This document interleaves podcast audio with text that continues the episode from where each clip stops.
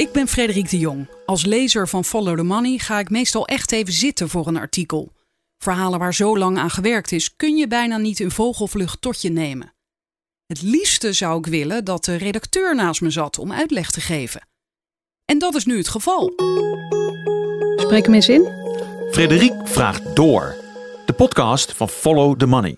I know you're gonna dig this. En deze podcast lijkt misschien gratis, maar is niet goedkoop. Het graafwerk van Follow the Money wordt mogelijk gemaakt door betalende leden. Wil je ook lid worden? Dat kan op ftm.nl. Tussen al het coronageweld en andere actualiteiten zag ik op de site van Follow the Money laatst een verhaal over geroofd Joods bezit in de Tweede Wereldoorlog staan. En dat verraste me wel een beetje, want sinds wanneer buigt Follow the Money zich ook al over het verre verleden?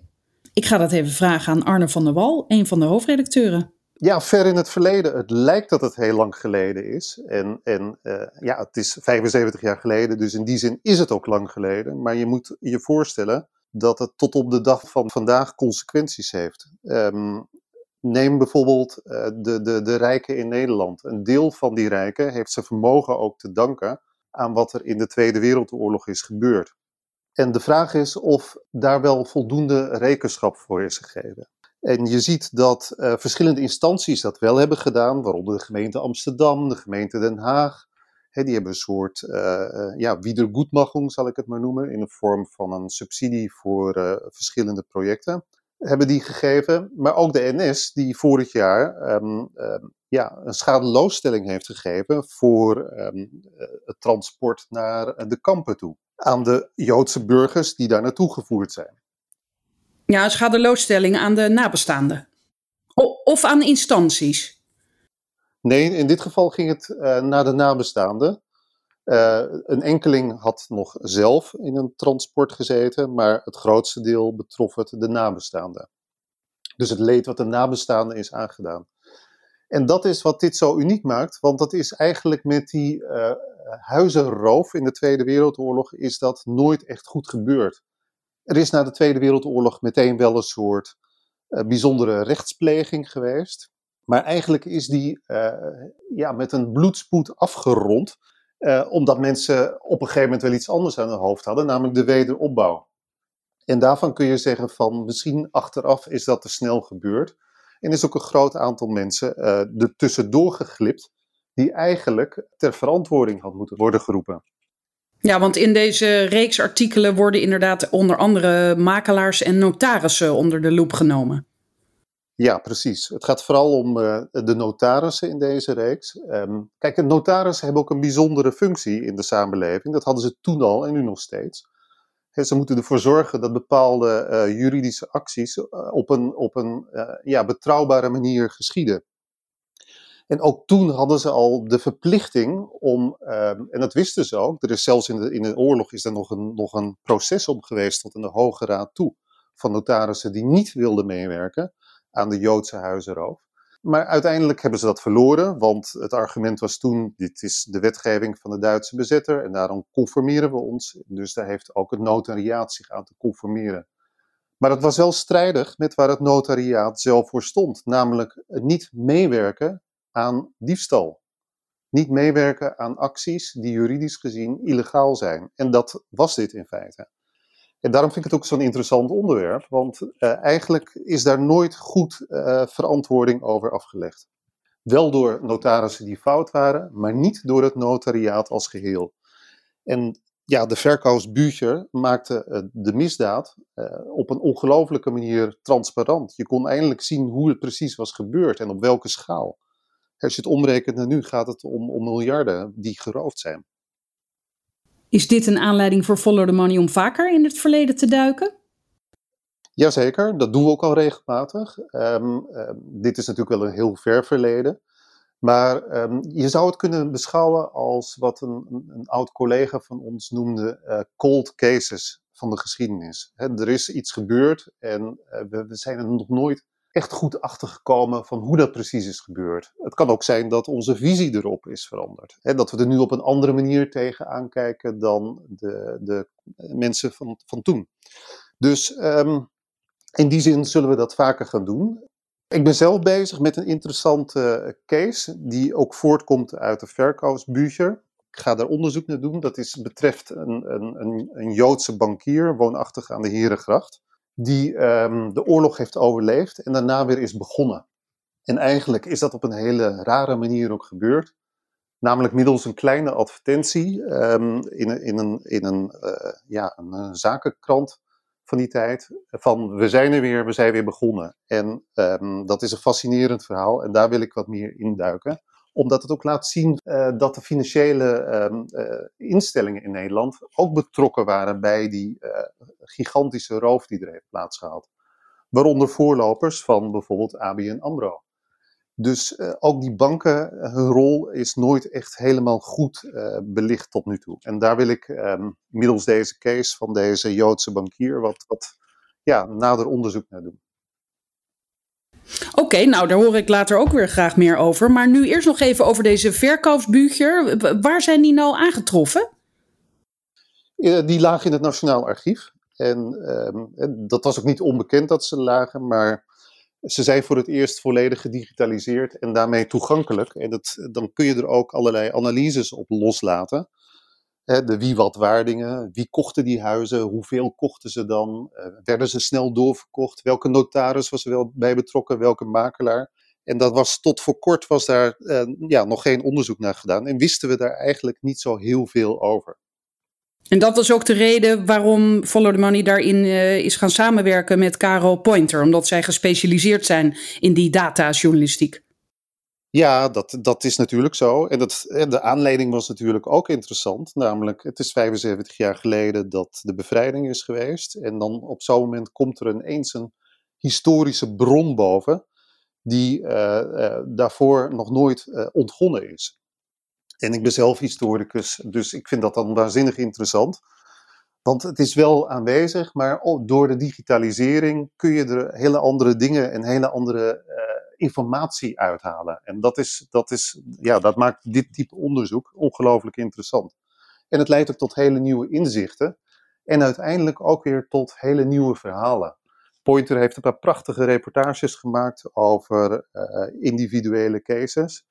Uh, hartverscheurend soms. Mensen die terugkwamen en hun huis uh, in handen van andere mensen vonden en het nooit hebben teruggekregen. Heel veel onrechtvaardigheid. En uh, ja, dat, dat vind ik het bijzondere hieraan, dat het zoveel nieuwe inzichten geeft over een periode waarvan we dachten dat we er eigenlijk alles al over wisten. Nou, dit lijkt me een mooi moment om te gaan spreken met Jerry Vermanen van Caro Pointer. Dankjewel Arne. Oké, okay, dag. Jerry, hi.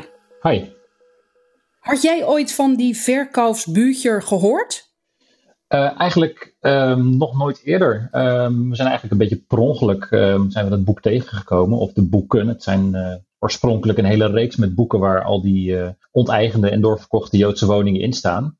En het is een gigantisch document. Ik had er eerder nog nooit van gehoord. En eigenlijk per ongeluk zijn we daar uh, opgestuurd. Omdat we iemand bij het Nationaal Archief spraken daarover. En hij vertelde eigenlijk dat er zoveel onvertelde verhalen eigenlijk in die verkoopsboeger stonden. Dat we daar natuurlijk gelijk nieuwsgierig naar waren. En er werd er gelijk bij verteld dat ze sinds kort ook gedigitaliseerd waren. Nou, bij Pointer gaat eigenlijk alles, al het beginpunt van alle verhalen zijn uh, digitale verhalen, zijn databases. Dus dat uh, was ja, eigenlijk een hele eenvoudige optelsom. En we zijn eigenlijk gelijk aan de slag gegaan. Dus jouw handen begonnen direct te jeuken? Absoluut. Ja, kijk, als wij horen dat er iets digitaal is gemaakt en dat er nog ontzettend veel, vooral ook hele mooie persoonlijke verhalen in zitten, dan, um, ja, kijk, het gaat over de oorlog natuurlijk, hè, de Tweede Wereldoorlog, en dat is natuurlijk 75 jaar geleden. Dus je denkt op een gegeven moment, alles is natuurlijk al verteld. Hè? Alle, alle verhalen die er over die periode hebben gespeeld, dat weten we natuurlijk al. Maar als je daar eenmaal echt in gaat duiken, dan kom je nog zoveel dingen tegen die ja, nog nooit eerder opgeschreven zijn. En ook een heleboel uh, lijntjes uh, nog naar het heden. Dus ja, daar, daar worden wij natuurlijk ontzettend enthousiast van. Jij zegt mooie verhalen, maar ze zijn eigenlijk tragisch. Ja, precies. Ontzettend tragisch. Uh, ik bedoel echt, dat echt mooi in de zin van ja, dat het om hele persoonlijke dingen gaat. En ook over nou ja, zaken waar we ook denk ik tegenwoordig nog steeds les uit kunnen trekken over hoe met mensen omgaan, maar ook zeker uh, ja, een heleboel verhalen die ook erin staan. Gaat ook over uh, ja, figuren die misschien wel iets ethischer hadden kunnen handelen. En daar zijn ook denk ik heel veel dingen uit te leren die, uh, ja, die tegenwoordig nog steeds gelden. Ja, je formuleert het nu best voorzichtig. Is dat ook omdat je denkt van ja, het was een andere tijd en ik kan daar misschien niet helemaal over oordelen? Of? Nou ja, ik, ik, ik, vooral omdat ik natuurlijk ook heel erg moeilijk kan inleven in die tijd. Ik bedoel, ja, we, we leven nu natuurlijk. Uh, het is natuurlijk nog steeds een hele gekke tijd hè, met de coronacrisis en al dat soort uh, zaken. Maar ja, weet je, de, de, de, hoe, hoe iemand op zo'n moment zou kunnen handelen tijdens de oorlogstijd is natuurlijk ongelooflijk moeilijk om daar ja, in te kunnen leven. In ieder geval, ik kan dat niet zo heel erg goed. Dus je komt wel heel veel verhalen tegen, zeg maar, uit die tijd. We bekijken dat nu door de bril van, ja, van 2020, van tegenwoordig. Um, dus het is ook wel heel erg kijken naar die verhalen van wat is er nou precies gebeurd en ja, wat, wat, wat heeft het met die mensen gedaan? Ik vind het zelf af en toe heel erg um, ja, ingewikkeld om daar ook uh, echt heel erg in die situatie te verplaatsen. Maar dat hopen we dat we dat met deze, dit soort verhalen, ja, dat we dat toch uh, een klein beetje kunnen doen. Straks spreek ik Stefan Vermeulen, die een paar artikelen schreef voor Follow the Money hierover. Dus dan kom ik ook bij die persoonlijke verhalen. Zeg ik even tegen de luisteraar. Maar even over dat uh, proces waar jij in terecht kwam. Want als je die boeken openslaat, wat zie je dan? Zag, zag jij direct een verhaal of wat kwam je tegen? Nou ja, het, zijn natuurlijk digitale bestanden. Dus hey, je kan die, die boeken natuurlijk ook in het archief nou ja, fysiek openslaan. Maar dan weet je absoluut niet waar je moet beginnen. Dan, dan sla je een willekeurige bladzijde open en dan, uh, nou ja, dan staat daar een, een transactie beschreven. Maar ja, wat, wat, wat zijn je aanknopingspunten? Dan wordt het heel erg lastig. Maar bij ons is natuurlijk nu het voordeel dat we, dat we echt een digitaal bestand hebben. Dus wat we als eerste gaan doen is gewoon kijken wat wordt er in al die kolommen en in al die rijen beschreven. Wat, wat is eigenlijk het grote verhaal? En wat we dan doen is gewoon kijken naar welke namen komen hier het vaakst in voor? Welke kopende partijen, welke verkopende partijen of uh, eigenlijk uh, welke slachtoffers? Ook welke notarissen komen hier vaak in voor? Zijn er bepaalde straten of bepaalde gemeenten die opvallen? Uh, dus op die manier maak je eigenlijk in eerste instantie gewoon een heel groot ja, overzicht van wat, wat is de grote lijn binnen dit document. En als je daar eenmaal wat aanknopingspunten voor hebt, bijvoorbeeld een notaris die heel vaak wordt genoemd, nou, dan ga je wat rondbellen, dan ga je wat uh, historici bellen. Het voordeel is natuurlijk dat ontzettend veel mensen al onderzoek hebben gedaan naar deze periode in onze geschiedenis. Dus uh, er is ook wel heel veel kennis beschikbaar. Alleen al die personen hebben al die lijntjes natuurlijk ook nog niet helemaal uh, gelegd. Hè. Als wij nu die notaris noemen, dan zeggen ze vaak, ja, die kennen we wel, die naam komt dus bekend voor. Maar als ze dat in deze context van, van onteigend en doorverkocht Joods vastgoed noemen, dan, ja, dan vinden ze dat ook ineens interessant. Dan, is het, dan beginnen bij hun ook ineens radartjes te draaien van, goh, uh, misschien heeft het wel hiermee te maken, of ik ken nog wel die persoon die je kan bellen. Dus op die manier kom je eigenlijk langzaamaan, stap voor stap, bij al die persoonlijke verhalen terecht. Maar dat begint voornamelijk bij ja, dat grote databestand eigenlijk uh, ja, structureel bekijken en, en daar de grote lijnen uit te halen. Ja, en dan zie je, om even een voorbeeld te geven, uh, echt staan uh, op dat en dat adres uh, stond een huis, dat is voor zoveel verkocht en toen weer doorverkocht. Ja, precies. En dan ga je vervolgens alle details van zo'n transactie natuurlijk bekijken. Hè. Wie zijn die mensen geweest? Leven ze nog? Zijn er nog nabestaanden? Is die notaris of die koper die erbij betrokken is, heeft die bij meerdere deals is die betrokken geweest? Is die na de oorlog veroordeeld? Allemaal dat soort zaken ga je vervolgens bekijken. Oké, en jij heb je meteen gestort op die digitale data of ben je ook langs geweest in het archief? Uh, beide. Ja, het archief is eigenlijk vaak zeg maar de tweede stap in zo'n onderzoek. Dus we pakken een digitale bestand erbij. En daar vinden we heel veel aanknopingspunten. Dus heel veel dingen waar wij als, als, als journalist natuurlijk heel erg nieuwsgierig naar worden. Van hoe zit dat nou precies? En dan ga je vaak naar de archieven. De archieven hebben vaak veel meer informatie. En dan kom je dus, je doet je aanvraag daar en dan komt een enorme doos, kartonnen doos met, met allerlei documenten, papieren, komt dan op een toonbank te staan ja, en die ga je vervolgens doorspitten. Daar ga je op zoek naar nog meer aanknopingspunten, misschien verslagen waarin dingen worden beschreven. Dus um, op die manier kom je eigenlijk uh, via een digitaal bestand ook gewoon weer in de oude papieren muffe archieven terecht. En mensen kunnen ook naar jullie site om, te, om adressen in te vullen. Hè? Om te kijken van, hé, hey, wat is er ooit in mijn straat gebeurd bijvoorbeeld? Ja, klopt. Ja, we hebben al die uh, adressen die in die verkoopsboeken staan. En al die woningen die dus uh, toen zijn onteigend en doorverkocht, hebben we ook zoveel mogelijk proberen te koppelen aan, ja, aan de huidige adressen. Zeg maar. Een heleboel van die woningen bestaan ook niet meer. Uh, die woningen zijn gesloopt of soms zijn straatnamen ook veranderd. Dus dat is moeilijk na te gaan waar die woning exact stond. Dus um, ja, in die verkoopsboeken staan ongeveer 7100 transacties. Dat zijn pak een beet ongeveer 8000 woningen ook. Soms is het een transactie, er zitten meerdere woningen bij betrokken. En ik gok dat we ongeveer van 5000 woningen ook echt het adres hebben gevonden. En ja, we merken ook als je over zo'n verhaal begint, zijn mensen toch gelijk nieuwsgierig naar, ja, naar hun eigen omgeving. Hè. Ik woon zelf nu in een nieuwbouwwijk, dus voor mij speelt het niet. Maar toen we op zoek waren naar een nieuwe woning, hebben we toch ook in de binnenstad uh, hier van Apeldoorn gekeken. Ja, en dan kom je toch ook bij een aantal uh, straten terecht waar best wel oude woningen staan. Dus ik was nu achteraf ook wel nieuwsgierig van die paar van die woningen die wij nu hebben bekeken tijdens bezichtigingen.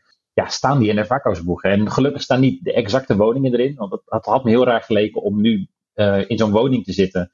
Waar toch een, ja, een hele nare geschiedenis aan kleeft. Maar ja, een heleboel van die adressen die we tegenkwamen, waar ik ook gelijk via Google Street View vanuit mijn woning gewoon even ging kijken.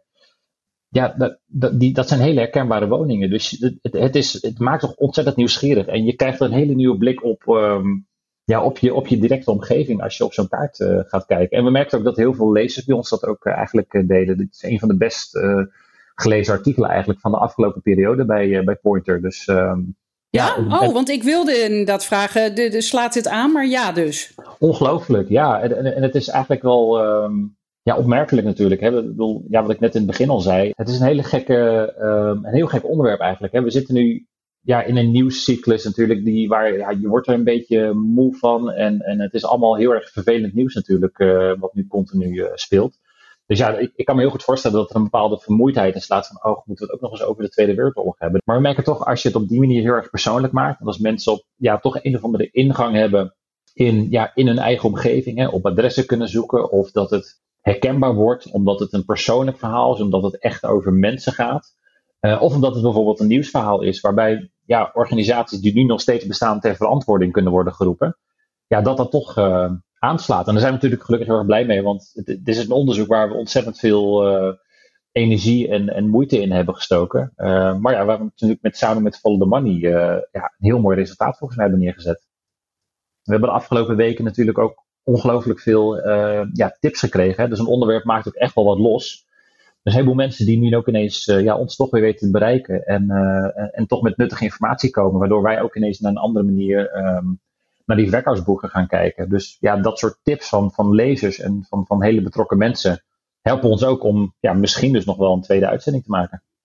En was het lastig om in die uitzending, die heb ik gezien, om die meneer Van Gelder, die wordt opgevoerd, hè, een nabestaande, om mensen te laten meewerken?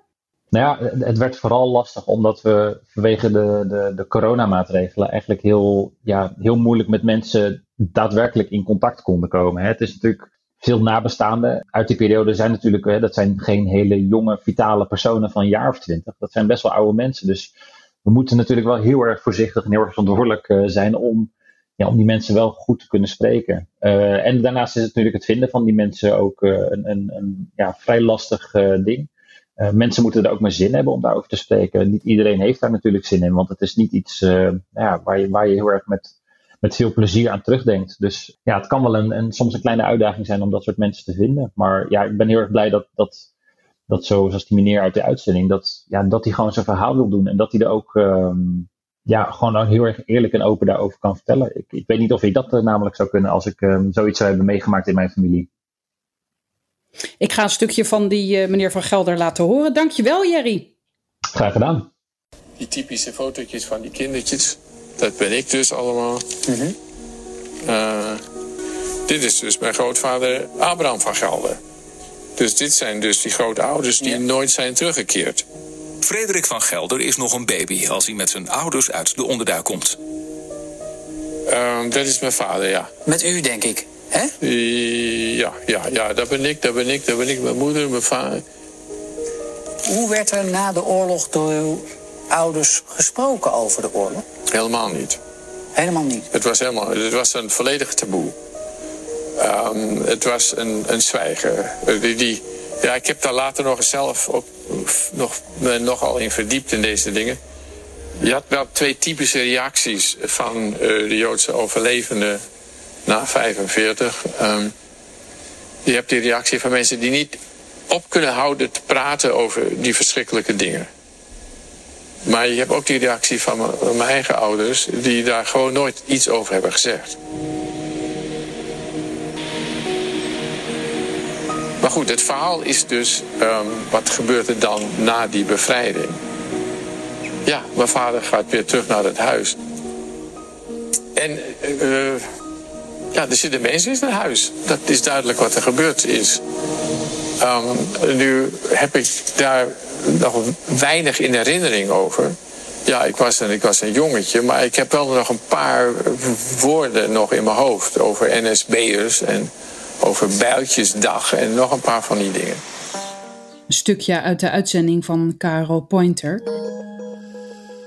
Stefan Vermeulen, jij hebt een paar artikelen voor Follow the Money over de verkoopsbuurtje geschreven. En jij hebt er een bedrijf uitgelicht dat ook ooit een pand kocht dat geroofd was van een Joodse familie. Welk pand was dat? Dit uh, pand betrof de Ruiterkade 127 in Amsterdam. Uh, een vrij groot pakhuis vlakbij het Centraal Station aan het IJ. Dat pakhuis was eigendom van een Joodse kaashandelaar die in die tijd voor de oorlog uh, wel groot en bekend was in Amsterdam, meneer Mozes Poppelhouwer. Hij had zijn pakhuis in 1941 verplicht moeten afstaan aan de Duitsers. En dat pand is in het begin 1943 doorverkocht aan de firma Lucas Bols, zo blijkt. Hoe is dat dan precies in zijn werk gaan? Hoe ging zo'n transactie in zijn werk? Ja, dat vonden we interessant om aan de hand van deze specifieke zaak te laten zien hoe dat werkte. Want eigenlijk ging, zat daar altijd een patroon in. Wat er gebeurde was, de Joodse eigenaar die had verplicht zijn vastgoed moeten afstaan aan een soort Duitse roofbank. Uh, dus die had er niks meer over te zeggen. Vervolgens gingen de Duitsers, die huurden een aantal uh, makelaars in. Dat waren eigenlijk altijd NSB'ers, een klein clubje die dat in heel Nederland gedaan heeft. Die namen dat pand in beheer. Die verkochten dat door aan ja, geïnteresseerde kopers. Dus het konden vermogende Nederlanders zijn. Het konden Nederlandse bedrijven zijn. Uh, wie er ook maar geld had, uh, ja, die, die, die kon zo'n pand kopen. En naar schatting is dat dus een keer of 10.000 op die manier gebeurd. En wat er nou het bijzondere bij was, dat eigenlijk bij het overgrote deel van die transacties dat pand in één dag twee keer werd doorverkocht. En dat werd een dubbeltransport genoemd. En dan werd dus de eerste keer werd dat pand aan een soort, ja, ook een NSB-makelaar verkocht. Daarna werd het meteen doorverkocht aan de koper, dus in dit geval Lucas Bols. Dat pand dat verdubbelde vaak in waarde.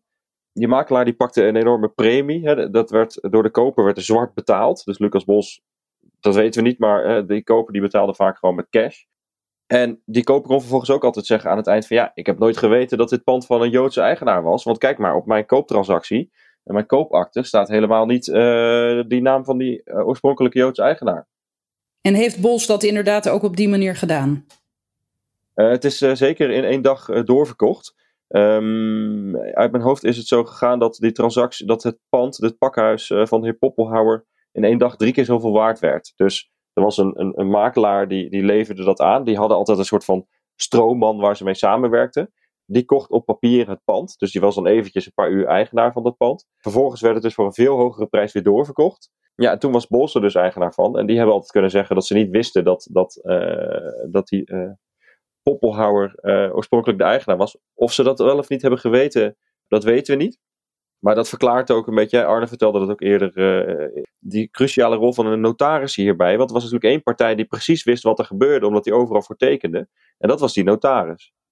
Ja, inderdaad. Jij weet ook welke notaris dit was. Ja, dat was in dit geval ook nog wel het bijzondere, want dat was een notaris, een zekere meneer Charbon. En die was tegelijkertijd vicevoorzitter van de notar notariële broederschap in Nederland. Uh, dus dat is zeg maar de club waar alle notarissen in Nederland onder uh, vallen en lid van zijn. Ja, dus, dus hij had eigenlijk ook nog een voorbeeldfunctie, zou je kunnen denken. Hij had een gigantische uh, belangrijke rol in dat notariaat. Hij zat in het bestuur, dus ja, hè, dat, dat geeft wel aan. Kijk, van de in totaal geloof ik 700, 800 notarissen in Nederland hebben wij uh, de namen van 534 notarissen aangetroffen in die verkoopsbuger. Ja, dus dat geeft wel aan dat gewoon het overgrote deel van de notarissen hier ja, min of meer kritiekloos aan heeft meegewerkt. Ja, maar als de voorzitter inderdaad de norm stelde, dan liep de rest daar kennelijk achteraan. Ja, er zijn een aantal verzetsnotarissen wel geweest. Daar is na de oorlog dus ook discussie over gekomen. Want er werd dan gezegd, ja, notarissen hè, die waren, zoals men dat noemde, leidelijk. Dus ja, ze tekenden bij het kruisje. Hun, hun, hun beroep was niet vragen stellen over waar het geld vandaan kwam en dergelijke. Zo ging dat in die tijd. Um, maar goed, uit het feit dat er wel, er zijn notarissen geweest die geweigerd hebben dit soort transacties uh, te doen. Er zijn notarissen die het verzet hebben gezeten. Ja, dus er was wel een andere houding mogelijk. Ja, en dan is het ook nog eens zo. Jerry heeft natuurlijk al verteld dat uh, zij al die data inzichtelijk hebben gemaakt op de site. Want dit gebeurde in heel Nederland. Ja, dat klopt. Dat is uh, mij ook echt opgevallen dat uh, het gebleken is dat dit niet alleen zeg maar, in de grote steden, Amsterdam had natuurlijk voor de oorlog veel Joodse inwoners, uh, stad als Den Haag ook. Dit is echt op landelijke schaal heeft dit plaatsgevonden. Eigenlijk in 225 van de huidige gemeenten is er vastgoed van Joodse eigenaren ja, geroofd. En dat verklaart ook wel een beetje. Pointer heeft het allemaal inderdaad heel mooi online laten zien. Hoe breed dat in Nederland. je kon het per kaart kijken. Uh, ik zag ook de laatste weken, je ziet dan wel dat lokale journalisten daar ook weer in gaan grasduiden om te kijken van, goh, wat is er nou in mijn regio eigenlijk gebeurd met dat vastgoed? Ja, dat geeft wat mij betreft ook alweer de relevantie van dit onderzoek aan, want ja, dit is gewoon een, een we weten bijna alles over die Tweede Wereldoorlog, maar denken we, maar dit is een, een tragedie die eigenlijk nog nooit echt goed was onderzocht. Je hebt Bols ook om een reactie gevraagd en wat zeggen zij hierop? Men was behoorlijk uh, afhoudend, uh, moet ik zeggen. Pols heeft eigenlijk gezegd van ja, we hebben in de archieven niks over deze transactie kunnen terugvinden. En wij hebben vanuit uh, die verkoopsburger gecombineerd met het kadaster kunnen zien dat, het, uh, dat Bols het in 1949 uh, eh, heeft, het pakhuis heeft teruggegeven aan ja, de nabestaanden van die oorspronkelijke eigenaar. die kaashandelaar werd in, in, 1942 vermoord in Auschwitz. Dus het is teruggegeven, kijk, in hoeverre Bols daar geld aan verdiend heeft, of, of het gewoon ja, hè, als een soort van, van weer de goedmachung heeft gedaan, dat is allemaal niet te achterhalen. Die Bos heeft daar zelf niks over gezegd. En over de topman van Bos tijdens de oorlog, dat was wel interessant, want dat was ook wel een, een, een fascinerend figuur wat mij betreft. Daarvan, die is overigens na de oorlog veroordeeld wegens collaboratie. Is naar Zuid-Afrika gevlucht. Maar daarvan zei Bols, ja, maar hij was eigenlijk in, vanaf 1942 ook al bij het verzet betrokken. Oh. Wat weer vreemd was, omdat het weer totaal niet te rijmen met het feit dat hij in 1943 uh, het pand van een Joodse eigenaar uh, kocht. Ja, Arne zei ook al, uh, een reden waarom hij dit onderzoek interessant vindt, is dat individuele notarissen uh, hier wel uh, dingen over verteld hebben. En al dan niet vinden dat ze zich hier schuldig aan hebben gemaakt. Maar er is nog nooit een, een verklaring gekomen van het notariaat als geheel.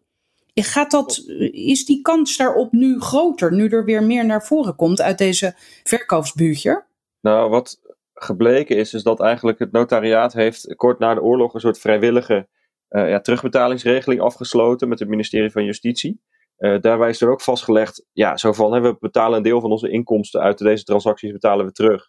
En verder uh, praten we er nooit meer over. Dat is gelukt tot ongeveer 2010, dus dat is echt een doofpot van, nou ja, een jaar of 50, 60 geweest. En in 2010 is daar uh, een, een zekere meneer uh, Raymond Schutz, is een uh, promovendus, die is hier onderzoek naar gaan doen voor het eerst. En toen is heel voorzichtig dat notariaat, hè, die, die beroepsvereniging, die broederschap, ja, die is daar ook wel open voor gaan staan om daaraan mee te werken. En op een gegeven moment is in Amsterdam, is de gemeente Amsterdam onderzoek gaan doen naar de manier waarop Joodse inwoners na de oorlog allerlei belastingen moesten betalen vanwege het huis dat ze, de lasten die ze niet betaald hadden tijdens de oorlog. Ja, ehm, precies. Dat was ook nog eens een enorme schande. Toen ja, de mensen die terugkwamen uit de kampen, die, die kregen de rekening gepresenteerd. Precies. En daar is toen, de gemeente heeft toen gezegd van hier moeten wij eens naar kijken. Uiteindelijk heeft toen Eberhard van der Laan namens de gemeente gezegd van hier wordt 10 miljoen euro schadevergoeding aan Joodse organisaties betaald. Of nee, aan individuele eigenaren zelfs.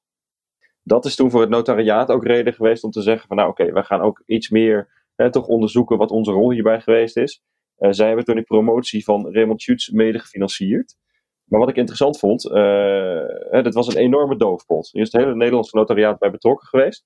Dit kwam in 2016, is die promotie geweest. En toen zei de voorzitter van het notariaat, zei nog steeds van ja, dit is vreselijk, zwarte bladzijde, maar wij gaan hier geen verantwoording over afleggen. Want ja, wij kunnen nu wel met onze blik van nu zeggen dat het moreel onjuist was om hier aan mee te werken. Maar ja, dat, dat is te makkelijk. En het interessante is, nu wij dit onderzoek hebben gedaan en ook met de huidige voorzitter van het notariaat hebben gesproken, die, die gaat daar wel een stap verder in. Die zegt echt ja, dit is, ja, hè, hier moeten we toch wel iets meer verantwoording voor, uh, voor afleggen. Dus je ziet wel dat daar een proces van reflectie wel op gang is gekomen inmiddels. We hoorden eerder een nabestaande vertellen, meneer Van Gelder. Hebben jullie ook gezocht naar uh, nabestaanden van daders die hier iets over wilden vertellen? Nee, dat is lastig, hè? want uh, ja, dat ga je toch in zekere zin ga je dan dit soort namenstaanden hè, ja, ter verantwoording roepen van iets wat hun voorouders gedaan zouden hebben. Maar er was nog een ander praktisch probleem, want die verkaasburgers, zoals je weet, dat zijn ruim 7000 transacties. En we hebben gezien dat daar vrijwel voor een heel groot deel allerlei individuele kopers zijn geweest. En het was in het tijdsbestek dat we hadden, en ook gezien alle hè, praktische gedoe rond corona en zo, ja, niet te doen om daar 7000 kopers uh, ja, te gaan naspeuren. Dus wat we geprobeerd hebben, is daar een aantal uh, ja, spraakmakende casussen uit te halen. Dus bijvoorbeeld zo'n verhaal van Lucas Bols. Uh, we zijn, hè, Arne vertelde al, we gaan natuurlijk ook, hè, er zijn een aantal banken bij betrokken geweest die ook panden hebben gekocht. Daar zijn we nog verder onderzoek aan, naar aan doen. Uh, er zijn misschien een paar wat grotere jongens die veel panden hebben gekocht. Ja, dat is eigenlijk nog vervolgonderzoek wat we nog gaan doen. En daarbij kan het op zich best, best, best ja, hoe zou ik het zeggen, relevant zijn om ook nabestaanden te vragen. Dat hebben we tot nu toe niet gedaan. Behalve dus bijvoorbeeld hè, bij Lucas Bols hebben we natuurlijk wel de huidige firma Bols, die nog steeds beursgenoteerd is in Amsterdam, om een reactie gevraagd. Oké, maar we kunnen misschien dus nog, uh, want Jerry zei ook al van ja, misschien komt er nog wel een uitzending, want je weet niet wat er nog allemaal uit die data naar voren komt. Het is een enorme, onuitputtelijke bron, lijkt het. Ja, dat is interessant. En wat ik ook interessant vind, is dat er best wel veel tips op binnenkomen. dat gebeurt veel met hele actuele verhalen, maar kennelijk ook met dit onderwerp. we hebben bijvoorbeeld een tipje gekregen van iemand die zei van nou, ik weet een hele straat in Amsterdam waar één grote koper is geweest. En die nabestaanden die zijn nog steeds eigenaar van die hele straat. Uh, we hebben een tip gekregen over het makelaarskantoor dat nu nog bestaat en mogelijk groot is geworden dankzij transacties tijdens de Tweede Wereldoorlog. Ja, dat moeten we allemaal verder gaan uitzoeken, maar hier gaan zeker nog een aantal vervolgverhalen uitkomen. Oké, okay, dankjewel. Graag gedaan. Tot zover deze aflevering van Frederik Vraagt Door. Wil je meer horen en lezen? Ga naar ftm.nl en krijg onze maand op proef.